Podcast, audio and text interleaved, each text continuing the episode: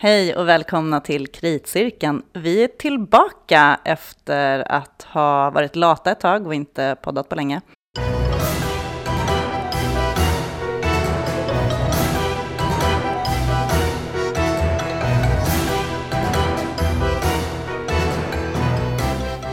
Då säger jag välkommen till Loretto. Hej, tack! Det var inte igår. Vi kanske ska börja med att berätta vad som har hänt sen sist. Vad har hänt på din front? Jo, eh, kanske det viktigaste för mig, eller roligaste, eller ja, värt att nämna, det är ju den stora kvällstidningsrockaden.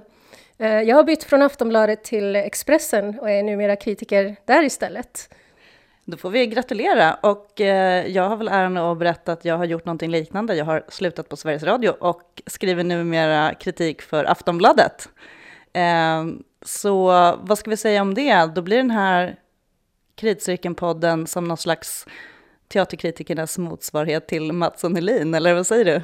Ja, och då ju, blir ju typ du, Jan Helin, eftersom public service och Aftonbladet. ja, men då är du Thomas Mattsson. Ja. Eh, ja, kanske inga jämförelser i övrigt då. då. Eh, så vi är ju frilansare, så välkommen till frilansarprekariatet Cecilia Djurberg. Tack så mycket.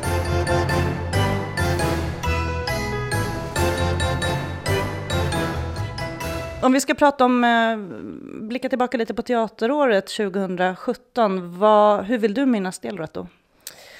Ja, alltså som eh, vanligt, alltså när jag kollar på min lilla lista av det som var minnesvärt så är det ju återigen eh, stora roman eh, eh, ska man säga, bearbetningen till scenen. vi såg bland annat Wellebeck, en ska man säga, ett mischmasch av eh, rad av Welbeck-romaner som eh, stöptes om till teater av eh, institutet och Anders Karlsson. Ja men precis, vi såg den på Stockholms dramatiska högskola, gästspel från Finland. Mm, ja precis, och det var ju under Stofffestivalen som den gick här. Vad tyckte du om den? Så jag, gillar, jag gillar ju liksom det här uttrycket som är liksom väldigt eh, kroppsligt och röret, men samtidigt väldigt språkligt som är väldigt kännetecknande för Houellebecq. Och också väldigt så här osympatiskt. Det är liksom en, en humanism som är liksom en besviken optimism skulle man nästan kunna säga. Så ja, nej, men det blev en, en bra inkörsport för mig till hans författarskap. Ja, men jag, tyckte också, jag tyckte också om den. Jag tyckte det var intressant teater och en, eh, en bra iscensättning av den här eh, väldigt textliga texten. Eh, den språkligt intressanta texten. Och nu har inte vi varit i Göteborg, men där kan man ju se Welbeck också. Så det kanske är en plan för 2018 att ta sig iväg och se underkastelse på Göteborgs stadsteater. Jag har hört bra om den. Jag, vi får se om vi kommer tillbaka till den. Eh, vad minns du mer? Jo, också romanbearbetning. Det är ju Martina Montelius eh, Främlingsleguanen på Brunnsgatan 4. Eh, superfin eh, iscensättning av en superfin text, superfina skådespelare, en jättefin, alltså jättesuperfin gestaltning. Gud vad jag säger superfin, men det går inte att säga någonting annat. Det var väldigt minnesvärt. Väl, ganska konstigt att den inte har lyfts fram mer under alla de här nyårs rapporterna eh, överallt. Den eh, har lite grann fallit under radarn, vilket är väldigt synd. Jag tyckte också eh, att den var väldigt bra. Och jag gillade verkligen den boken också. Eh, och det där, det där är ju lite grann av eh, risken med när teatrarna ger sig på eh, bearbetningar av böcker som man redan gillar. Att, man, att det måste liksom bli bra. Och jag tyckte att de gjorde det väldigt fint. Den är ju på ett sätt en barnbok, eller den har ett barnperspektiv. Och det tycker jag alltid är ett intressant perspektiv på teatern. Och för att ta en radioövergång då till det här barnperspektivet så tyckte jag väldigt mycket om det i Galeasens Hamlet. Där blev det ju som att man fick se Hamlet nästan ur det här barnets ögon. Eh, jag skulle säga att Hamlet var en av förra årets mest minnesvärda uppsättningar och den har ju fått lite priser då nu då. Eh, Svenska Teaterkritikers Förenings eh, teaterpris, bland annat. Eh, och sen blev det en film. Såg du filmversionen, Loretto? Nej, jag hann inte se filmversionen. Det var ju en miss av mig. Men jag håller med, alltså det var en otroligt eh, minnesvärd iscensättning. Alltså klassikerslakt fast... Så när man liksom gör en cover på någonting fast det blir mycket bättre eller någonting helt nytt, någonting... Ja, nej men eh, definitivt välförtjänt av eh, ja, alla priser och så som den har fått och den uppmärksamhet. Mm, jag tyckte också, eh, jag tyckte väldigt mycket om den och just hur, hur, hur den bearbetningen, den är ju Hamlet och samtidigt en helt ny text. Eh, och det där är intressant att se om man kan se flera liknande bearbetningar som liksom tar steget. Jag menar Shakespeare spelas ju hur mycket som helst, klassikerna. Eh, men att lyfta det från att liksom sitta fast i någon typ av originaltext. Det där är ju som återigen då till böckerna, att det, det är alltid en, det blir alltid ett vägval när man tar en roman en, eh, som är skriven på det sättet, tar prosa och ska göra, överföra det till dramatik. Jag eh, började ju det här året nu med att se Roald Dahls Häxorna på Dramatens lilla scen. Eh, och där, det är ju en gammal bearbetning från 90-talet tror jag som David Wood gjorde, en manusbearbetning av eh, den här barnboken som är som en skräckis. Och det manuset har ju redan då tagit sina, gjort sina, sitt urval. Och sen så är det Alexander Mörk Eidem som har satt händerna i det här och jag tyckte att det blev jätteroligt. Eh, han förhåller sig till manuset som David Wood har skrivit eh, och gör ändå någonting ytterligare sådär egensinnigt som Mörk Eidem ofta gör. Eh, så jag tycker att den var rolig. Det var en rolig start på året för mig. Uh, och jag tog med en, ett tioårigt barn som hade väldigt roligt. Uh, sen är det så roligt just när man, för det var en väldigt, premiärpubliken var väldigt mycket barn i. Och, så det var en ganska skön stämning. Och uh, var väldigt roligt underhållande. Och just min, mitt barn som sammanfattade sin, han tyckte liksom att, ja men just så här när man pratar med ett barn var jag brukar försöka tänka på att inte säga så här, hade du roligt på teatern? För jag tycker det känns som en klyscha. Men nu hade vi ju ganska roligt och hans, hans eh, korta recension var att han tyckte ju att Donald Trump var roligast. Ja, vad kul. vad roligt. Eh, det är, också, det är också väldigt kul att se mm, just eh, barn på eh, barnteaterpremiärer, speciellt när det är kvällsföreställningar, för det ser man ju inte så ofta. Nej, men ofta så sitter man där i strumplästen och, och tittar på någonting pyttigt. Men det här var ju um, liksom en riktig... Ja, men jag tycker att det är roligt att Dramaten satsar på barnpubliken. Unga Dramaten har ju fått hålla till i Lejonkulan och lite sådär varit en viktig del av Dramatens arbete, men ändå på något sätt lite undanskuffat. Och att få hela stora lilla scenen, för den är ju väldigt stor om man är en liten person. Eh, och hur de liksom eh, klättrar ut i publiken och det, ja, häxorna förvandlar ju barn till möss som smiter ut. Och, eh, ja, nej, men det är väldigt, en väldigt rolig upplevelse. Och just att, att Trump är med är väl kanske inte oväntat. Han har ju varit med flera gånger, även då. Han var ju med på, kan man säga, på Hamlet, på Galeasen. eh, i den tolkningen. Så att, eh, jag tror att vi snart kommer kunna göra någon sorts, det är ett upp, uppsatsämne kan man så här, tipsa teatervetenskap studenterna om, Eh, om de vill, eh, om ett par år i alla fall, se hur, hur Donald Trump har påverkat svensk teaterliv, för det har han sannolikt gjort. Här var det pappan i Häxorna då, eh, Jenkins pappa, alltså den, det andra barnet som är med i föreställningen, hans pappa, eller hans föräldrar, då blev ju paret Trump. Eh, mycket underhållande. Det var Johannes Bakunke som spelade honom. Lite roligt att kulturministerns man eh, går in och lajvar Donald Trump på teatern. Um, jag tycker att den var bjussig, den föreställningen. Så så har jag börjat mitt teaterår. Men om vi fortsätter att blicka tillbaka. Um, ytterligare böcker, en som jag har missat som du har sett Loretto är Swede Hollow. Uh, vad kan du säga om den? Ja, precis. Ja, det var ju också eh, mörker i dem som uh, var bakom den. Kul liksom att han har gjort två böcker på raken. Uh, han har gjort flera böcker. Djungelboken, Tre musketörerna. Uh, det är hans, lite grann hans grej, kan man säga. Ja, precis. Um, ja, nej men alltså det var ju väldigt intressant. Alltså det är ju, boken av Ola Larsmo handlar om ehm, de, de fattiga eh, Sverigeamerikanerna eller fattiga svenska migranterna till Amerikat. Eh, de som liksom inte är eh, Vilhelm Moberg, liksom ändå, utan väldigt liksom eh, hamnar i den här svensk slummen i Minnesota eller vart det nu är. Eh, ja. Um, men det var liksom väldigt intressant grepp för att um, lilla scenen på Dramaten då hade gjorts om till nästan liksom, ska man säga, det var liksom består av massa störar och plankor och, och sådär. Så fick man liksom sitta på golvet som publik och man fick liksom ta del av den här um, nä, nästan kakofonin av uh, röster och vittnesmål om uh, migrationen från uh, alla möjliga olika håll. Um, nu sa du lilla scenen, jag tror att den går på elverket, stämmer inte det? Jo, det är klart det gör. Ja, my bad, elverket. Uh, just det.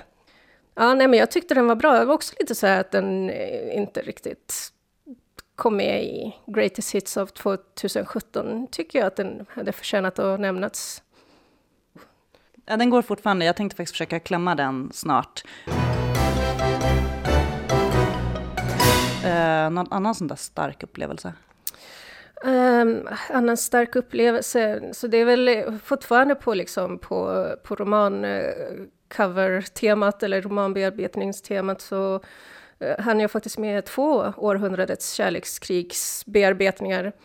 Uh, dels den här av Nora Nilsson på Kulturhuset Stadsteatern Um, som jag tyckte om. Det var liksom en um, väldigt bra raffinerad bearbetning av liksom det här formatet som, som romanen uh, har.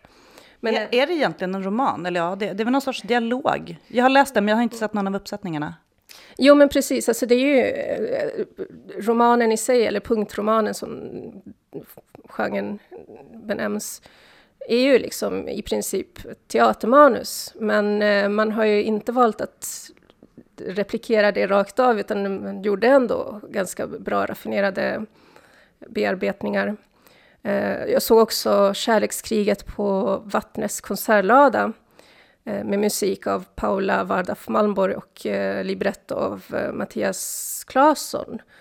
Eh, och där var det också samma sak, att man liksom eh, gjorde den här det var liksom inte en direkt överföring av den här dialogen, utan man gjorde liksom väldigt bra raffinerade eh, textbearbetningar. Så det, det var minnesvärt och liksom ändå ganska kul och ah, ska man säga suspekt, men liksom intressant att notera att den har så den romanen har blivit teater och opera på så himla kort tid. Den har ju lite um, operareferenser i sig, själva boken också. Uh, så det, var ju, eh, det är ju roligt med de där lite listiga övergångarna. Mm. Ja, definitivt. Ja. Och det var ju också ganska kul att mm, det blev liksom en... Visst, det var ju liksom lite referenser till, till operareferenserna i boken i musiken, men det var liksom inte så att det tog över handen, liksom, att det var liksom, ja, sålde sådär, utan man fick nog liksom ändå spetsa öronen för att hitta de små undangömda musikaliska referenserna. Ja, men om jag ska nämna någonting som jag minns särskilt, och förutom det vi har pratat om, så jag har ju haft ganska mycket fokus på danssidan. Och eh, jag tycker att det var ett ganska bra dansår, och framförallt så måste jag säga att Sharon Eyal som är en israelisk koreograf. Eh, hon, har gjort, hon gjorde två stycken minnesvärda eh, koreografier. En för Kungliga Balletten och en för Göteborgsoperan. Och på Kungliga Balletten så gjorde hon, var det ett program eh, i, som delades med Olivier Dubois och det tror jag också kommer tillbaka som man kan se. Eh, och sen så gjorde hon ett program på Göteborgsoperan med Göteborgsoperans danskompani som faktiskt också har fått pris av Svenska Teaterkritikers Förening nu för 2017, danspriset. Eh, så att hon, hon har haft ett bra år i Sverige Uh, och det är roligt att följa henne. Och i, i Göteborg så delade hon programmet med Ohad Naharin, som är då hennes, kan man säga, hon har dansat med hans kompani, Batsheva Dance Company. Och så liksom och lite grann se det där hur, hur har hon påverkats av mästaren. Hon är ju en egen koreograf och har liksom utvecklat en egen stil utifrån hans den här gaga, lite mjuka tekniken. Hon, eh, både, både på, i Stockholm och Göteborg så kunde man se att hon har lite den där smaken för, eh, lite smak för eh, att gå mot eh, liksom robottänkande. Eh, lite cyborg-aktiga gestaltningar och koreografier. Och där, eh, där blir det lite roligt, för jag var i Hongkong nu i eh, höstas på en dansfestival. Och där såg jag en japansk koreograf som heter Yo Kamamori. Och han gjorde ett verk som heter Nina Materialize Sacrifice, där hela estetiken är verkligen robotar. Och där är liksom kvinnliga dansarna har fått eh, lite liksom stilen av att vara robotar. Och jag började associera till så här äh, sexrobotar eller waifus och började dra kopplingar på att han är japan och det där är en stor grej i Japan och här sitter jag exotistisk. Men det verket är från 2005 och turnerar fortfarande i hela världen. Ett väldigt snyggt och väldigt intressant eh, dansverk som jag verkligen hoppas, det borde komma till Sverige. Och eh, det är lite intressant också för att precis när jag åkte till Hongkong där i november så hade hela metoo dragit igång. Och eh, se liksom män som dominerar kvinnor eh, med liksom verkligen så här övergreppsestetik i eh, väldigt snygg förpackning. Ja, men det, gjorde ju, det satte ju igång liksom ytterligare, alltså man drar associationer. Och jag vet att diskussionen där i Hongkong, det var någon som sa det att nej men det här verket är ju riktigt sexistiskt. Och jag började liksom fundera på, nej men herregud, man måste kunna visa ett övergrepp för att, liksom, för att prata om övergrepp. Uh, och eh, där gick liksom åsikterna lite isär. Men jag, dessutom, jag skrev en essä om det som jag skickat till Hongkong, som kommer att publiceras snart, där jag kommer att berätta mer om hur jag såg på det. Eh, men ändå lite roligt att se de där tendenserna. Jag tror att robot, liksom robotframtiden är här och konsten börjar bearbeta det mer och mer. Uh, och diskussionerna liksom går parallellt emellan. Där är det lite kul att man på något sätt anar de spåren inom dansen först. Eh, om jag får vara lite fräck och säga först. Jag kan inte komma på något teaterverk där man har riktigt eh, kommit in på det. Människan, maskinen. Ja, det kanske vi kommer på. Eh, men det var en spaning. Eh, det, var, det var roligt att vara i Hongkong också och titta på. Det var liksom dans från olika länder i Asien eh, i en, på en hel festival. Så det var ett frosseri som var roligt. Om jag ska minnas något annat från danssidan som jag tyckte om, Kullbergbaletten firade 50 år. Eh, och eh, de är alltid intressanta att följa. De gjorde för sig, eh, Mattias Andersson gjorde ett verk för Dramaten. Eh, han gjorde en, en, liksom en vidareutveckling av sin eh, Mental States of Sweden och nu in Dance. Och jag tyckte inte det funkade så bra. Jag recenserade den i Kulturnytt. Om man vill veta hur hur tråkigt jag tyckte att det var, kan man lyssna på den. Däremot så tyckte jag att Kullberg-jubileet som de hade på Dansens hus var fint. Och där fick man se eh, Birgit Kullbergs gamla ”Eurydike död, som är ett, en klassiker nu. Och det var ju roligt att de plockade upp en sån gammal eh, goding, som man fick chans att se. Det tyckte jag var fint. Eh, Le Ballet de la B var här eh, belgiska kompaniet. De gästspelade i Sverige med en eh, föreställning som heter Nicht schlafen. Som var en, eh, ja det var typ riktiga slagsmål på scenen. Alltid intressant att följa dem också. De är ju, ligger i framkant, eller man ska säga på den här typen av, ah, jag vet inte ens om man kan prata om nyskapande dans längre, men de har ju varit där väldigt länge i alla fall. Och eh, jag tyckte att det var ett det var ett häftigt verk att se. Och sen så gillade jag kompaniet Stockholm 59 degrees North, som är dansare från Kungliga Balletten som har ett sidokompani. De gör lite egna grejer. Eh, alltså, fritidsverksamhet. Men de gjorde en, hade ett program på Orionteatern i början av året som jag också så här, ibland kan man, när man tittar, tänker tillbaka så glömmer man bort nästan vad hände i januari förra året. Liksom. Eh, men de gjorde en, ehm, en gammal klassiker. Uh, Ulysses Doves, Dancing on the Front Porch of Heaven. Jättefint verk om, uh, om döden och änglar och det gjordes på 90-talet och det var Kungliga Balletten som gjorde det uruppförandet. Uh, eh, de dansarna som var där då.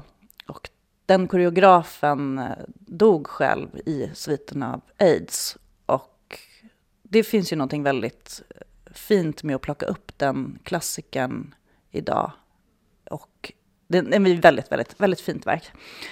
Uh, ja, om jag ska nämna någonting annat. Jag, jag, tyckte, jag gillade verkligen Gunilla Heilborn gjorde um, en föreställning på Dansens hus som heter The Wonderful and the Ordinary och där hon har fortsatt att vidareutveckla. Hon har undersökt hur minnet och hjärnan fungerar i tidigare föreställningar och nu jobbar de vidare med det i samarbete med en österrikisk teatergrupp.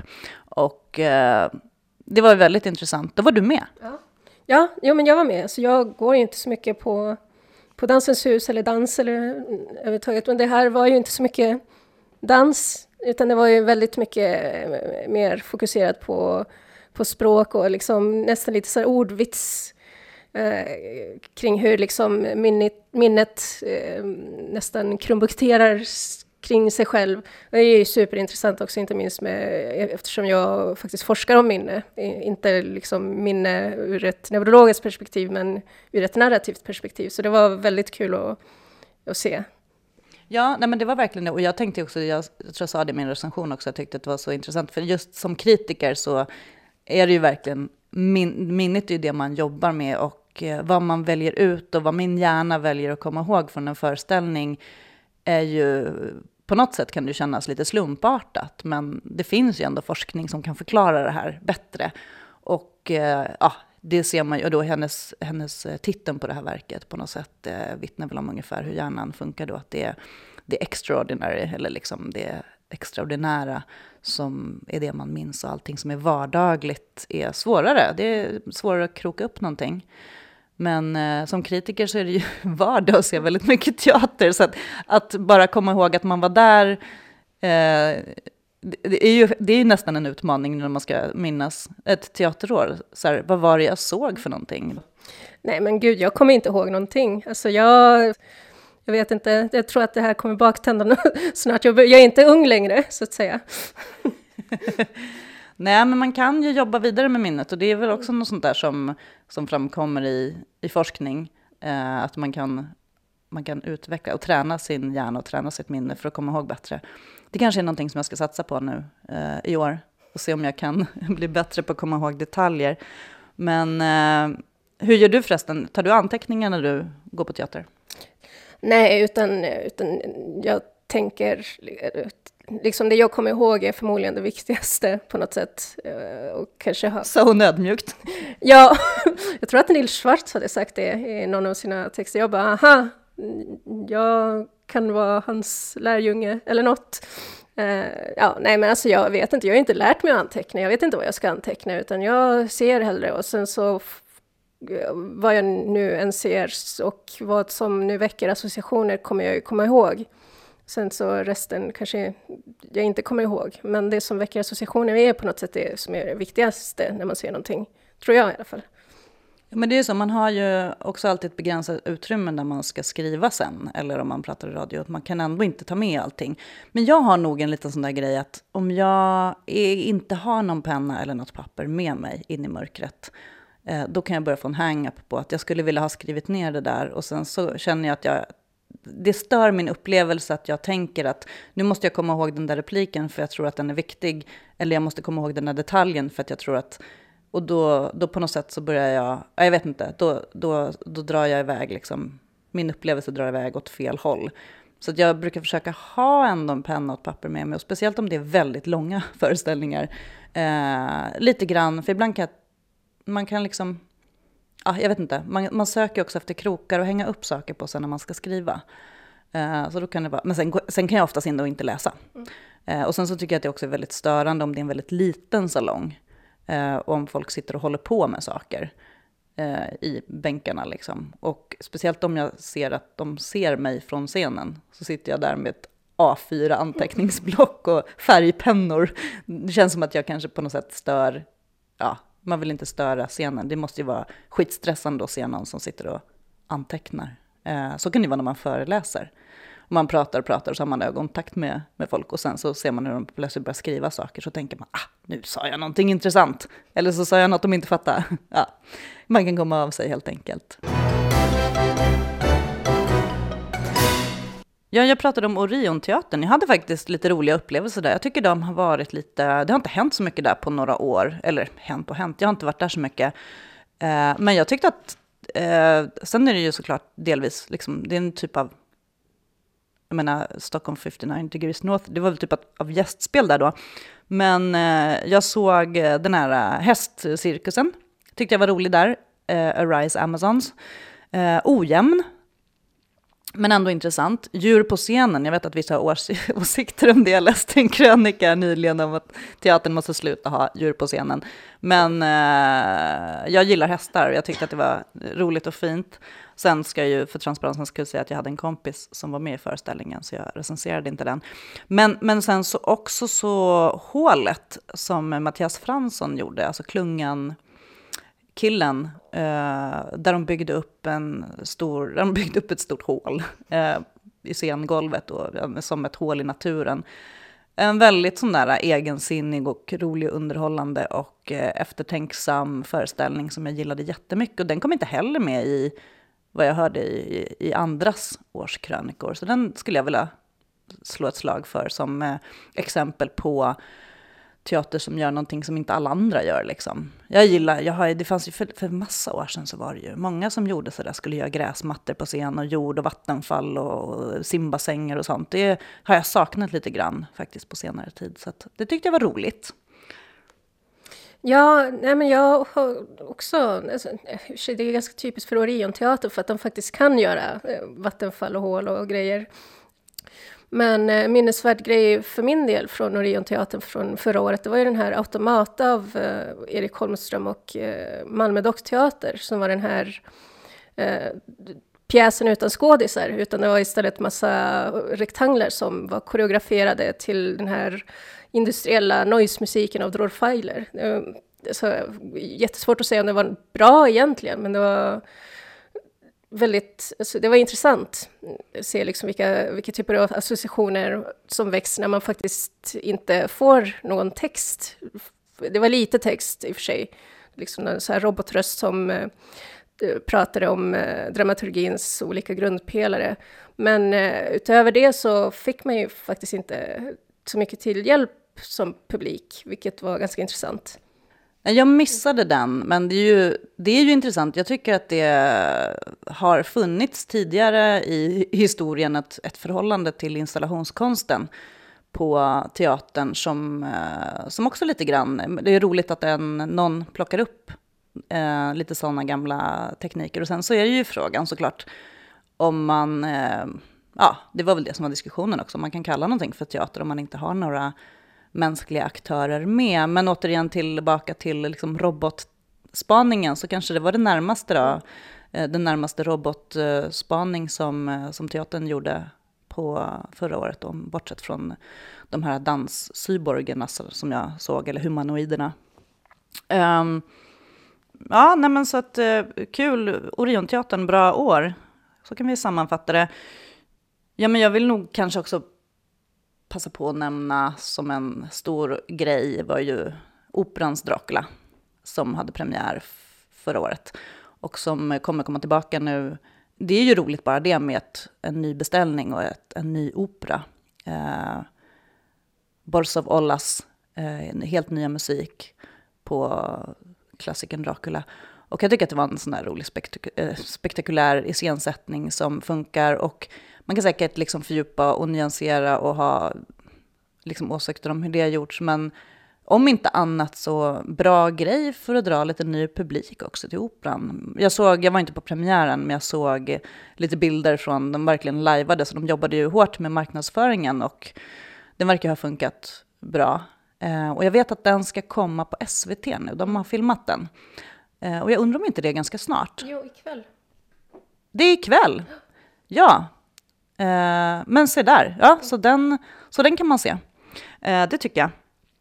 Eh, och, och det är också en bok som har blivit teater. och opera då, då. Så att den här, jag vet inte hur, vad vi ska säga om den här trenden. Jag tror inte att hur många gånger vi än säger det, att vi tycker att det kanske är lite tråkigt, så kommer nog teatern att fortsätta med det. Eh, och de kommer fortsätta spela klassiker. Och vi kan fortsätta ifrågasätta det.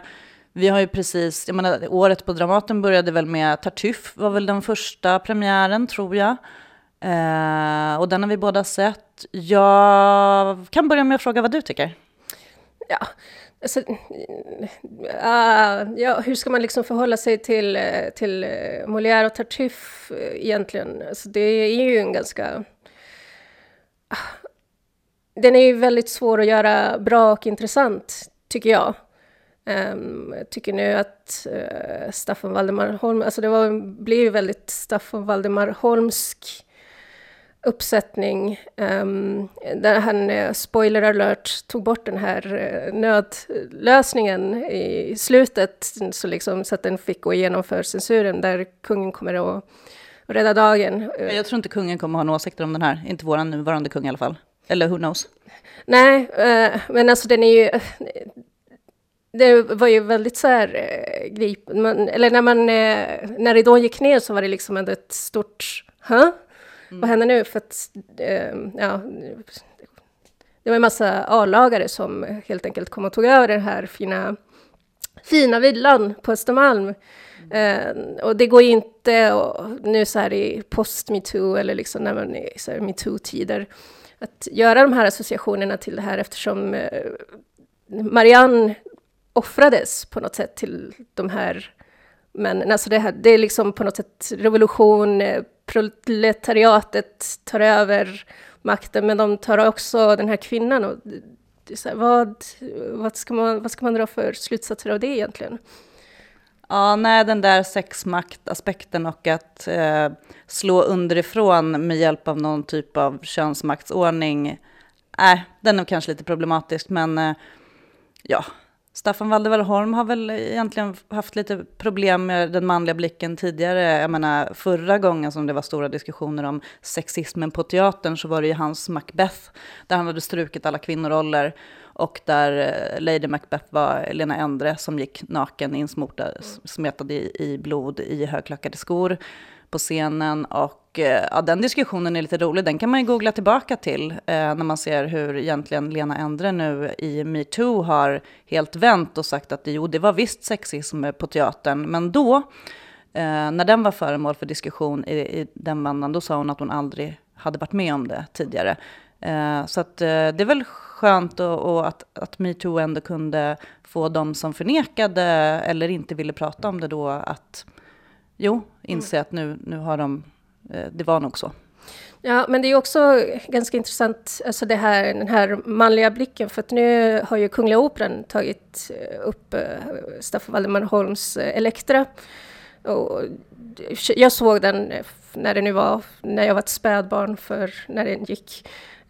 Och den går ju liksom ändå att se som, som en feministisk gestaltning, vad jag minns. Jag hade liksom inga sådana genusinvändningar då. Det skulle vara kul att se om den för att se liksom hur, hur den eh, bär i de här metoo-tiderna. Ja, men jag, jag kommer inte heller, såg vi den ihop? Nej, mm. alltså jag vet att jag såg den, men jag kan inte heller tänka så mycket på, alltså grejen är att det finns ju en massa grymhet och en massa sånt i klassikerna.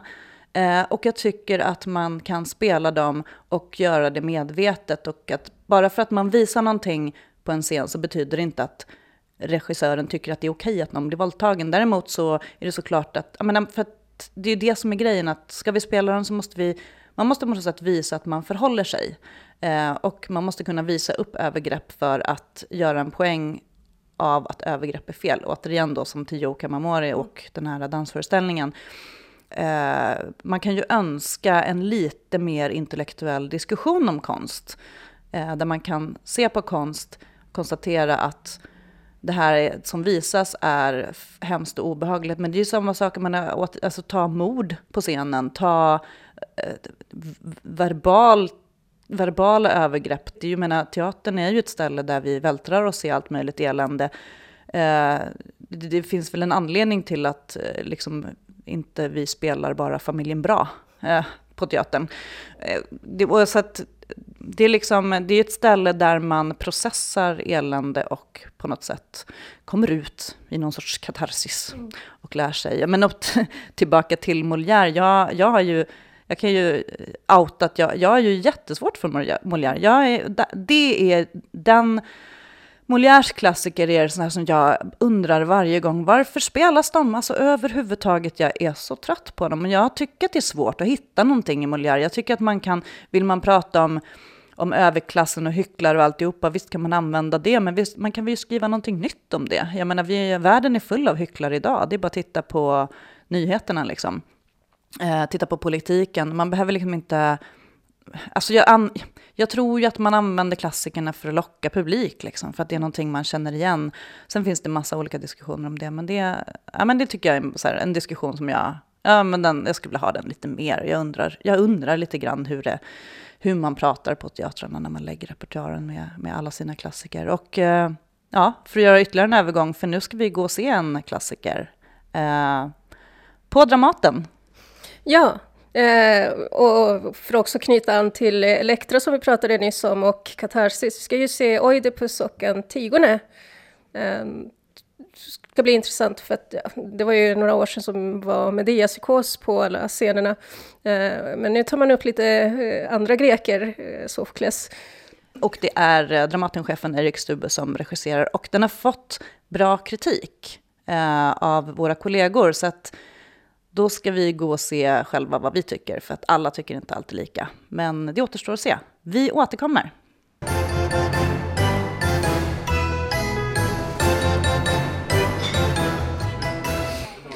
Ölrätt, nu har vi varit och sett Oidipus och Antigone på Dramaten och eh, vad tyckte du, var den så bra som eh, alla sa? Eh, ja, alltså jag är väl egentligen två reflektioner, eller egentligen en första reflektion och det är ju att det är makalöst vad spännande Oidipus är, fast man vet hur det går. Uh, och eh, så var också fallet den här gången, så man satt ju liksom så här på spänn när eh, han försökte klura ut gåtan bakom uh, Eh, vad fan heter han, Laios och sådär och man bara, men du vet, vi vet ju liksom att det är han men eh, eh spännande låter ju liksom banalt och fjantigt men eh, jag skulle, skulle säga att det byggdes upp en väldigt stark spänning. Alltså ett spänningsfält, liksom ett kraftfält. Um, ja, nej men eh, Oidipus håller ju fortfarande, det kommer den nog förmodligen göra ett tag till. Eh, andra reflektion det är att Antigone som då var andra akten och som är liksom fortsättning på, på Oidipus är att den eh, inte är lika bra. Jag tror att det har väldigt mycket att göra med att eh, det som är i centrum där snarare liksom det här eh, motsträvigheten mot sitt öde liksom, som, är, som är Oidipus, liksom, ska man säga, hybris. Det är ju ett kreons hybris går ju på något sätt att han eh, eh, försöker trotsa gudarnas vilja och att han också försöker trotsa statens vilja och att det inte riktigt håller. Alltså det, är liksom, det blir inte samma spänning även om det liksom i den här uppsättningen var väldigt eh, snyggt gjort och sådär men ja, det var liksom inte att man satt så här, ah. Nej, men jag tyckte också, jag tycker att den är väldigt snygg och eh, eftersom jag visste att den skulle vara avskalad för det var, var jag hade läst innan. Eh, så tyckte jag var väldigt snyggt. Sen gör ju, jobbar ju Erik Stubbe ofta väldigt så med, ställer skådespelarna i centrum och eh, det här med eh, hur liksom ljus och rökeffekter kan göra en hel scenografi och bygga upp en scen fast det egentligen är liksom grundscenen bakom som är, man ser ju liksom hur Dramaten ser ut bakom kulisserna i vanliga fall. Eh, där tyckte jag att eh, det blev så där effektfullt som eh, förmodligen var ambitionen. Eh, och så tänkte jag också just på det att vad är det som får mig att gå och se Oidipus eh, eller de här klassikerna fast jag vet, för det bygger på, jag tänker ju att de är skrivna som att man vill veta hur det går och vad som är grejen.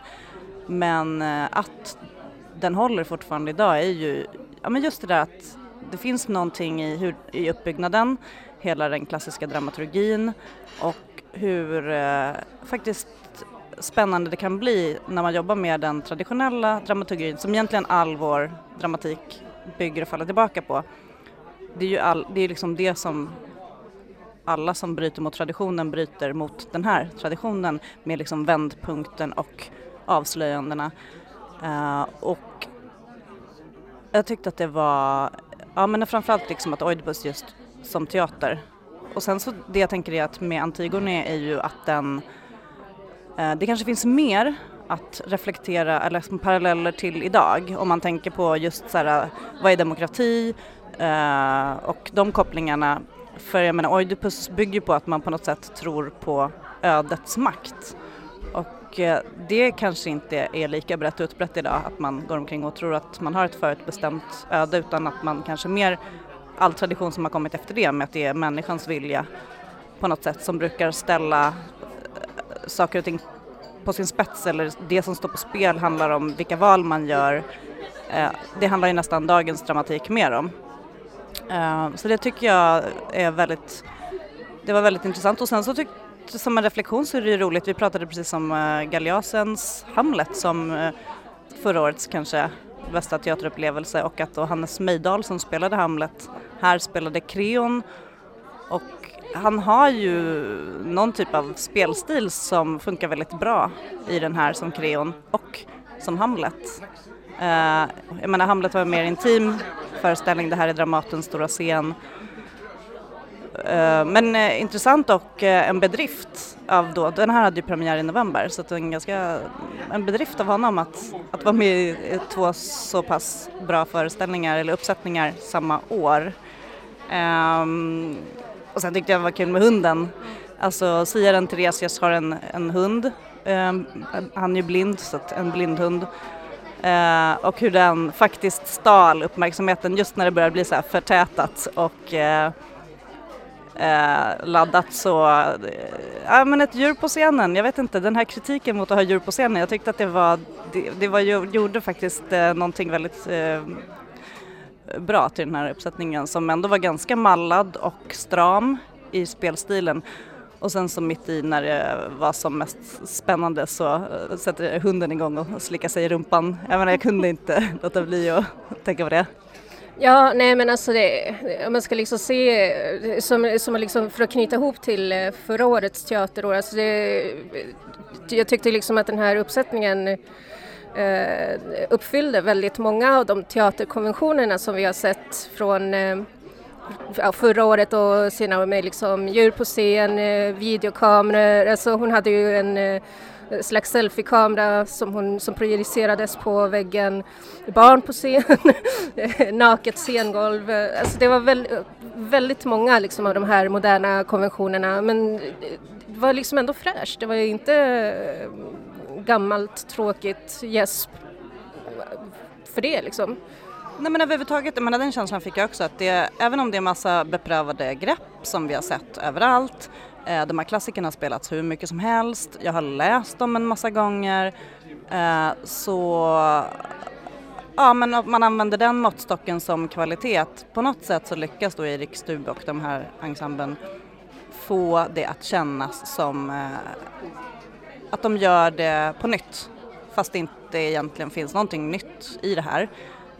och att det finns en massa klassiska grepp och det finns en massa moderna grepp och jag tycker just det där med Eh, med kameran eh, som eh, projicerades på scenen bakom hur man får då en närbild av en person som, men alla de här personerna är ju kungligheter och på den tiden och överhuvudtaget användandet av kungligheter och maktpersoner ger ju en distans till den så kallade liksom vanliga publiken.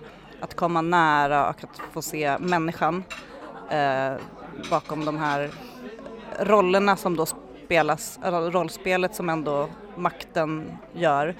Eh, att ta fram människan i den genom att jag använda närbilderna är ju väldigt effektfullt och det var inte, absolut inte störande utan det funkade bra. Jo, nej men eh, jag håller med. Det var också en sån här jobbig konvention. Det är ju också att um, börja använda mickar, alltså myggor. Um, och det hade de också här. Jag är ju i princip emot myggor på scenen. Eh, lite störande ändå är det, någonting med ljudbilden men Jo, nej men precis, men eh, jag tror faktiskt att eh, alltså, ska man använda myggor så ska man ju liksom göra någonting medvetet av det, liksom inte bara använda som en eh, eh ljudförstärkning. Men här kändes det ju faktiskt som att de använde det just för att skapa den här förhöjda intimiteten gentemot de här personerna. Alltså, de pratade liksom väldigt viskande, väldigt, väldigt liksom, eh, ett mjukt register som kunde komma fram här och det var liksom inte mm, att Alltså, jag menar, de här personerna de kan ju liksom prata utan mycket så det, det vet vi. Men det var liksom ett, ett, eh, ett tekniskt grepp som hade ett syfte. Ja men absolut, jag menar där tekniken var på, på deras sida. Liksom. Sen tyckte jag också att det var fint i Antigone med eh, det här Therese Brunander och, och Per Mattsson som sitter på varsin sida och kommenterar. Det finns ju i de antika dramerna finns det ju en kör som kommenterar och för, för handlingen framåt och här blev det på ett, eh, sen är ju de fantastiska berättare också. Jag gillar ju dem, jobbar med sina röster och eh, ja, men verkligen fångar publiken för det hade kunnat, det hade kunnat bli sådär liksom syrefattigt, stora scenen, distanserat men, ja, men jag tycker det funkade väldigt bra. Det var, ja, jag tyckte det var en bra upplevelse. Nej men jag håller med. Det är väldigt slut efter dagen efter att både ha klämt eh, Tartuffe på eftermiddagen och nu Antigone och Oidipus på kvällen. Men eh, på det hela taget så, ja, kul. Jag såg ju Tartuffe igår, men vad skulle du säga, vem, eh, vem vinner av Molière och Sofokles? Sofokles. Såklart. Ja, men jag håller med. Eh, jag fattar inte varför man spelar Molière. Eh, jag fattar varför man spelar Sofokles. fattade jag idag. Jag kan ändå bli lite sådär när jag ser det på pappret, bara herregud ska vi spela de här igen? Men å andra sidan egentligen så spelas inte de antika dramerna så himla, de är ju inte riktigt lika utslitna på scenerna som, som de här äh, Molière, Ibsen, Tjechov uh, gänget. Mm. Nej men det var bra, den kan man gå och se. Jajamän. Vad bra. Nu ska vi få äta vår sena middag. Eh, tack för att ni har lyssnat på Kritcirkeln. Vi hörs en annan gång.